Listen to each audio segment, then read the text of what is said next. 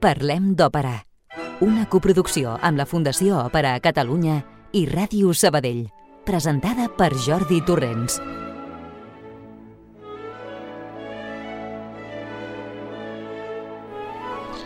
Bona tarda, tingueu tots i totes. Aquí de nou estem amb tots vosaltres per portar-vos notícies i bona música durant la propera hora. Com sempre, al peu del canó i de mica en mica, tasseta a tasseta, com diuen, ja som a mig febrer, cinc mesos i mig gairebé des del començament d'aquesta catorzena temporada de Parlem d'Òpera. I només quatre mesos i mig que queden pel final, o sigui que l'Equador ja l'hem passat amb escreix. I aquí res no s'atura, les maquinàries ja estan en marxa per tal que sigui possible crear allò del que us parlaré avui, ja ho sentireu. Programa número 554, 15 de febrer, dia de Sant Faustí màrtir, i segons sembla, patró dels solters, mira per on. Rocío García, el control de so qui us parla, Jordi Torrents, us donem una cordial benvinguda.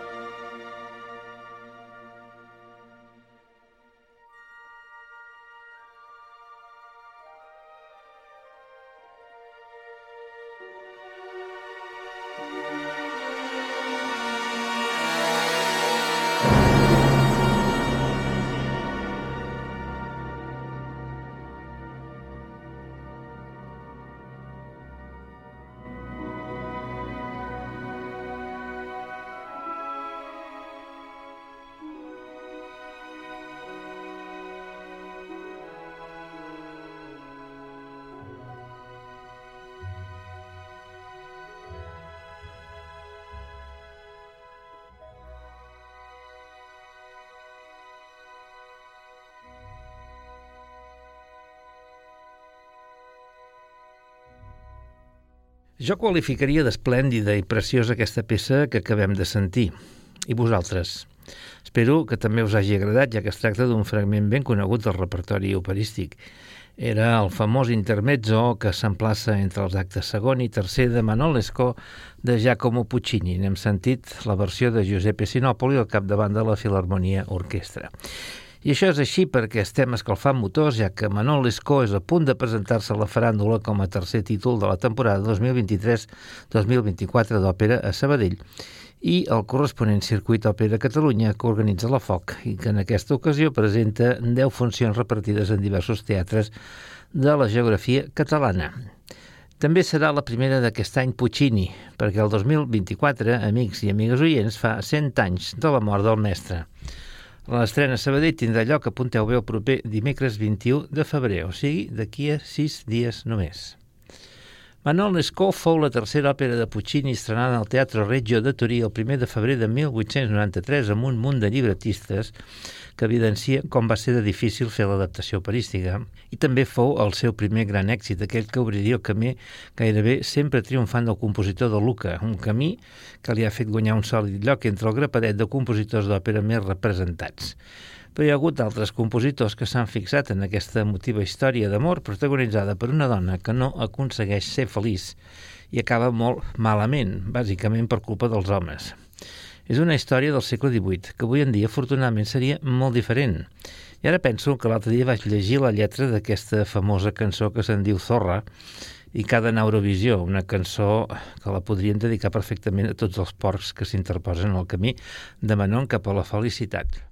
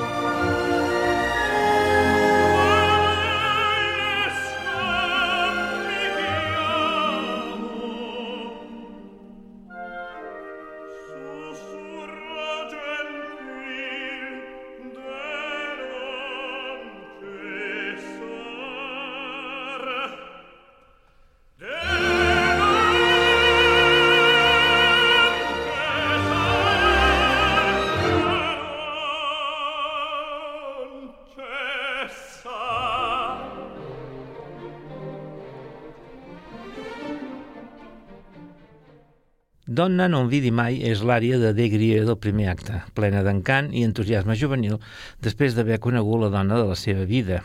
Cantava un Plácido Domingo que encara sonava juvenil als seus 43 anys, amb l'Orquestra Filarmonia Giuseppe Sinopoli a la batuta. Aquesta història la va crear un senyor que es deia Antoine François Prévost d'Exil, més conegut pel seu títol eclesiàstic com l'abbé Prévost, Prevost va néixer a Hesdin, en el nord de França, el 1 d'abril de 1697 i va morir a Chantilly, a la Picardia, el 25 de novembre de 1763. Novelista, historiador i traductor, va tenir una vida una mica aventurera, passant bona part d'ella fora de França, entre Holanda i Anglaterra. La seva obra més coneguda és precisament aquesta, Histoire du Chevalier de Grieux et de Manon Lescaut, publicada el 1731. Aquesta novel·la formava part d'una obra més àmplia en set volums dita Memòries d'un home de qualitat retirat del món.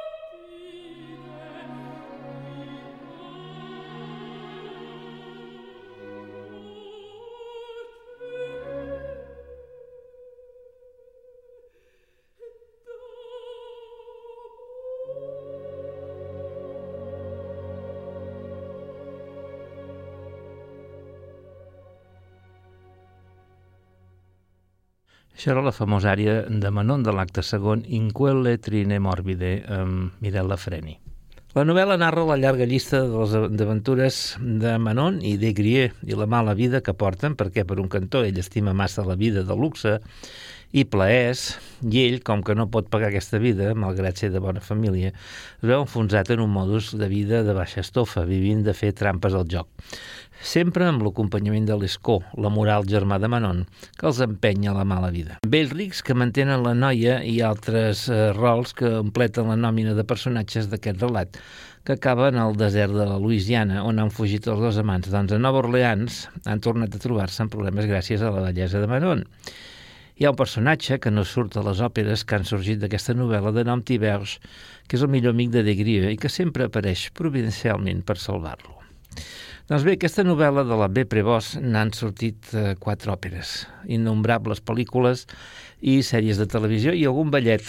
Per la part que ens interessa, que és la de l'òpera, us diré que la primera fou Manon Lescaut, òpera comic, recordeu que se li diu així pels diàlegs parlats que conté, en tres actes amb llibret de Jean Scribe i música de Daniel, de Daniel François Esprit Aubert, estrenada a la segona Salfa de París, el 23 de febrer de 1856. Us convido a sentir-ne un fragment de l'acte primer, que serà el trio Man des Aïeux, seguit pel cor C a la Guinguette, amb Yves Blisson, Lescaut, Jean-Claude Orliac de Grieux i Madi Mesplé Manon, els cors i l'orquestra lírica de Radio França dirigits per Jean-Pierre Martí.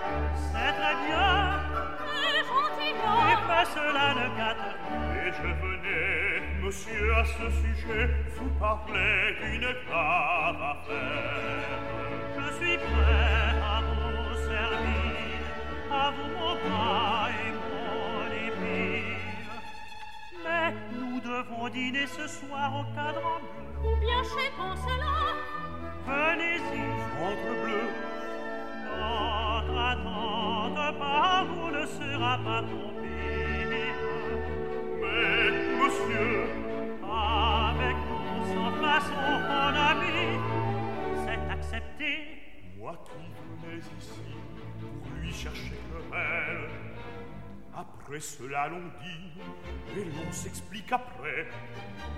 Vous dites un dîner chez Bancelin avec votre cousine, quinze couverts.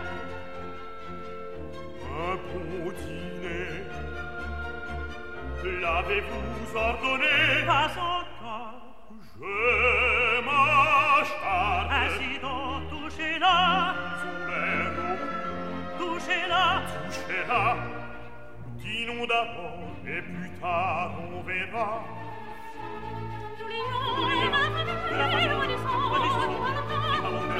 C'est pas vous. Thank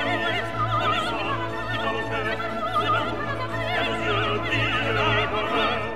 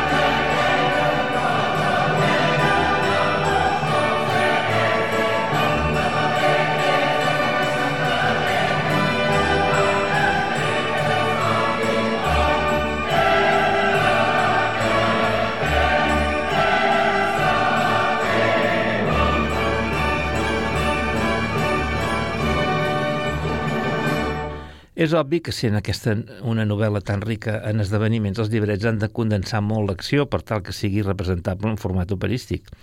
En aquest cas, el llibret de Script fa a l'escó cosí de Manon i crea un personatge, el marquès de Hérigny, que concentra en ell tots els diferents pretendents rics que persegueixen Manon. Altres personatges desapareixen i d'altres són del tot nous. L'òpera acaba a Louisiana amb la mort de Manon i en aquella terra hi veiem més coses que no pas la mort de la noia solament. Bé, diguem que és una versió de Manuel Lescaut que s'allunya una mica de les que coneixem més, però s'aboca al mateix final. Per cert, a tall d'anècdota, aquesta fou la primera òpera amb final no feliç que es va representar a la parisenca Òpera Comique. Je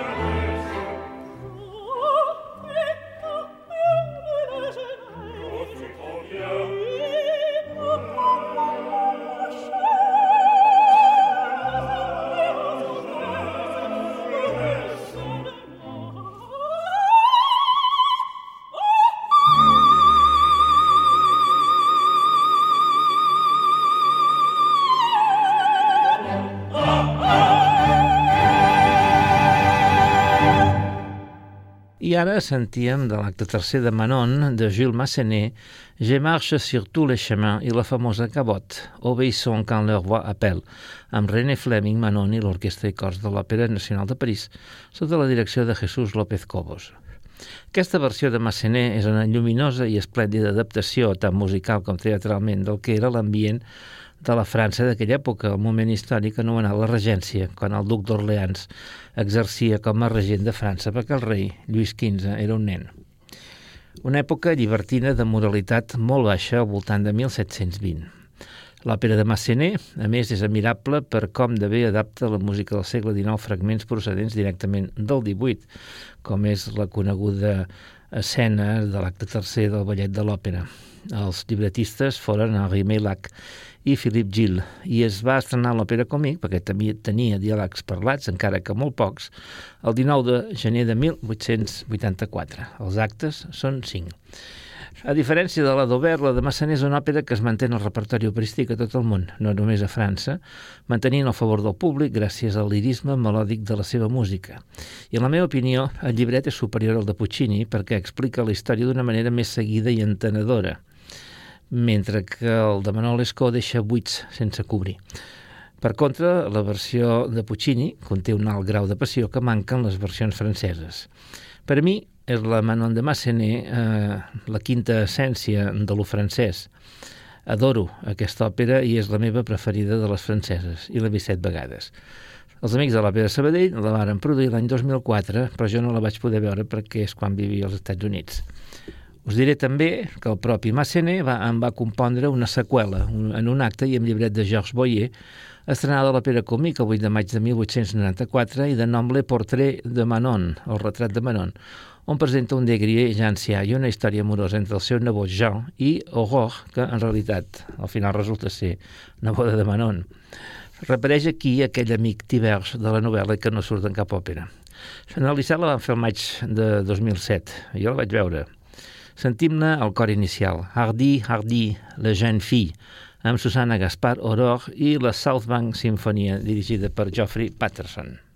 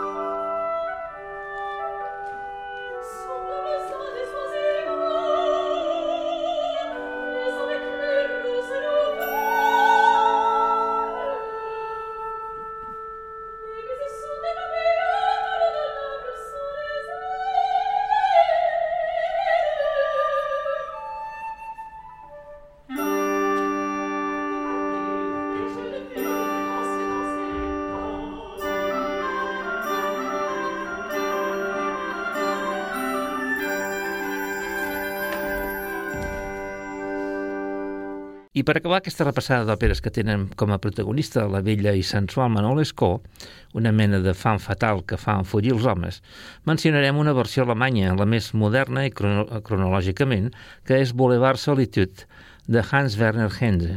Es tracta d'una òpera en un acte amb llibret de Gret Weil, estrenada el 17 de febrer de 1952 en el Landestheater de Hannover.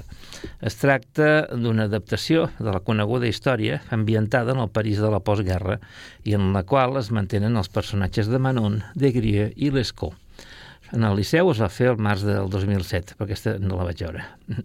Sentim-ne un fragment. Geliebter Armand, amb Laura Aikin, Manon i l'Orquestra del Liceu dirigida per Zoltan Pesco.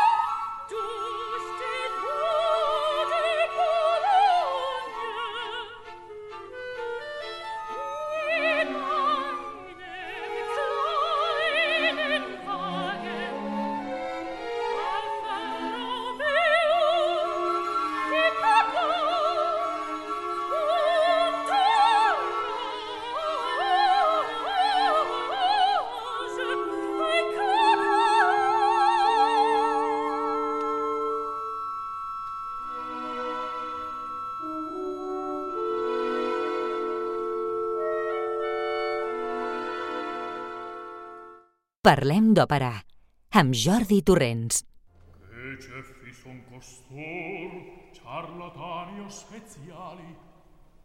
Son musici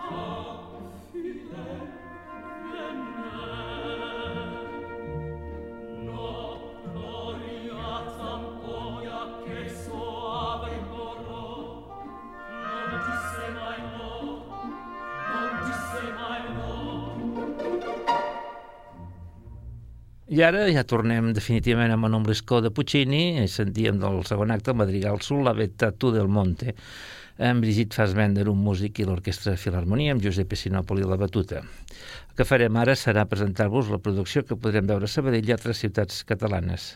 Primer us parlaré del cast i després de les ciutats i teatres on es podrà veure.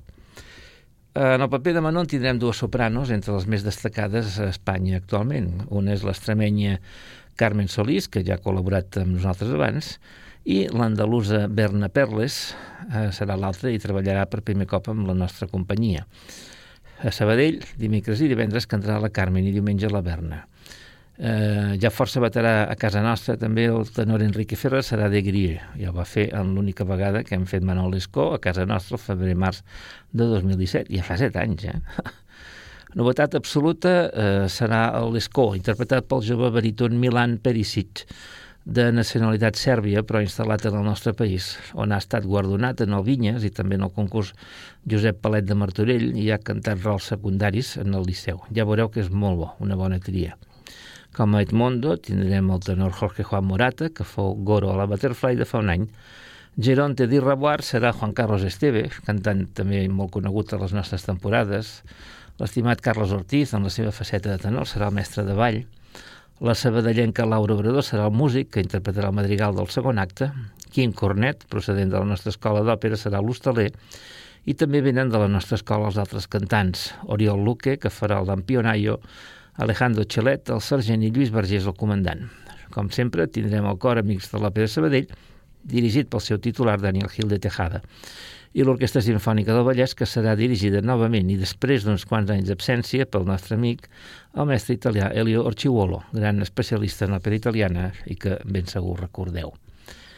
La direcció escènica serà de Carles Ortiz, recordem que és una reposició de la producció de 2017, assistit per Jaume Sangrà i amb disseny de escenografia de Jordi Galobart.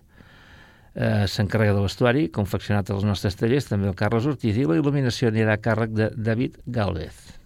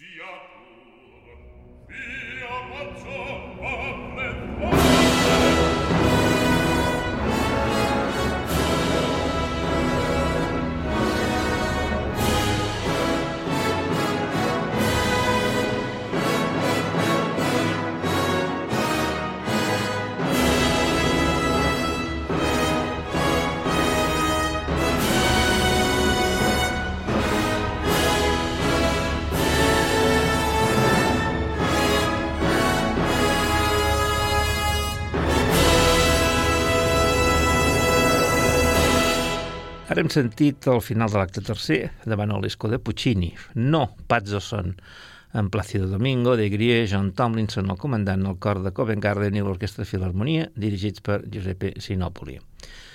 I a continuació us diré on es faran les 10 funcions previstes de Manuel Escó. Dimecres 21 de febrer a les 8 del vespre estrenem en el Teatre de la Faràndula Sabadell, on repetim divendres 23, també a les 8, i el diumenge 25 a les 6 de la tarda.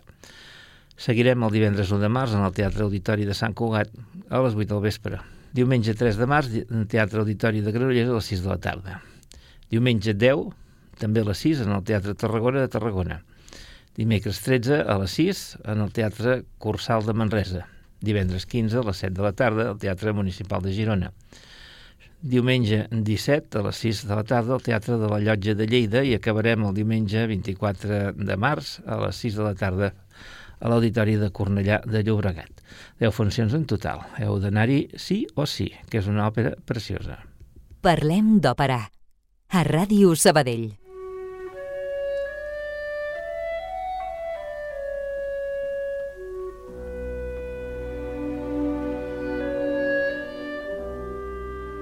Completarem el programa amb els personatges d'aquest mes de febrer, que són dos cantants italians mítics. Eh, començarem amb el tenor dels tenors, probablement el més popular de tots els temps, Enrico Caruso. Nascut a Nàpols el dia 25 de febrer de 1873 en el si d'una família molt pobra. Primer de tot, a l'edat de 10 anys es va posar a treballar com a mecànic i després fou obrer, tot rebent una educació bàsica a l'escola. Va ingressar en el cor de la seva parròquia i allà es va intuir el seu talent. Va seguir tres anys de classes amb Guglielmo Vergine i el 1894, amb 22 anys, ja debuta en una òpera dita L'Amico Francesco, de Domenico Morelli. Va progressar ràpidament i el 1898 protagonitza l'estrena de Fedora de Giordano Milà, ciutat en la que també estrenaria el 1902 l'Adriana Lecouvreur de Xilea. El 1903 se'n va a Nova York per debutar en el Met, amb Rigoletto, mateixa òpera que cantarien al Liceu, en la seva única ocasió en el teatre barceloní en el Teatre de Nova York i cantaria en una quantitat rècord d'ocasions, 863. El 10 de desembre de 1910 i protagonitzaria una de les seves altres estrenes notables, la Fanxula del West, de Puccini. El 1920 tindria el seu primer problema de salut, una hemorràgia en plena representació de l'Elisir d'Amor a l'Acadèmia de Música de Brooklyn. La seva salut no era bona degut, entre d'altres coses, al vici del tabac. Des d'aleshores només faria tres actuacions més en el Met, l'última el 24 de desembre de 1920. Eh, li fou diagnosticada amb pleuresia i enfisema. L'any següent es va recuperar el suficient per viatjar a la seva natal Nàpols, on acabaria morint el 2 d'agost de 1921, als 48 anys d'edat. I ara sentirem cantant l'ària Angelo Casto Bell de l'òpera Il Duca d'Alba de Donizetti, un enregistrament del 1915, però que està força bé.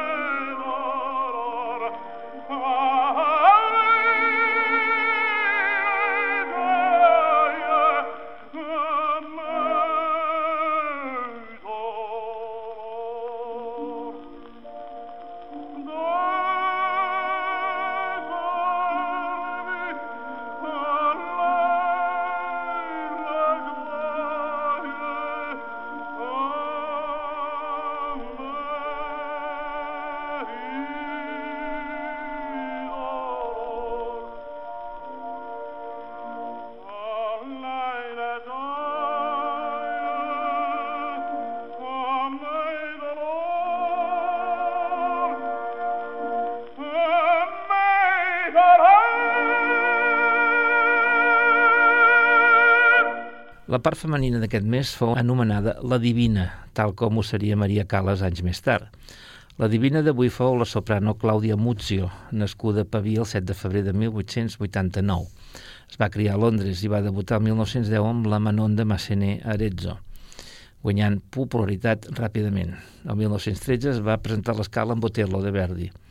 El 1914 debuta a Covent Garden al costat de Caruso, amb la Bohème i Tosca, òpera amb la que debutaria en el Metropolitan, on hi cantaria durant sis anys consecutius. El 1918 hi estrenaria com a Giorgetta i el Tabarro de Puccini. Igualment, el 1920 seria Tatiana en l'estrena americana en el Met d'Eugene Onegin. El 1919 es presenta en el Colón de Buenos Aires amb Lorelai de Catalani dirigida per Tulio Serafin i allà es convertiria en una favorita absoluta del públic cantant-hi fins al 1934. També va obtenir grans èxits a Chicago i a San Francisco, on participaria en la inauguració del teatre War Memorial Opera House, com a Tosca. El 1934 estrenaria a Roma la Cecilia de Licinio Refice. Els seus últims anys van estar marcats per la mala salut i problemes financers. Després d'una curta malaltia va morir a Roma el 24 de maig de 1936. Tenia només eh, 47 anys. Coneguda per la bellesa i calidesa de la seva veu, ara ho podrem verificar tot sentint-la cantar La casta diva de Norma, amb Lorenzo Molaioli dirigint l'orquestra, enregistrament del 1935. I amb això acabo i us convoco per la setmana que ve. Eh? No falleu. Adéu-siau i fins dijous que ve.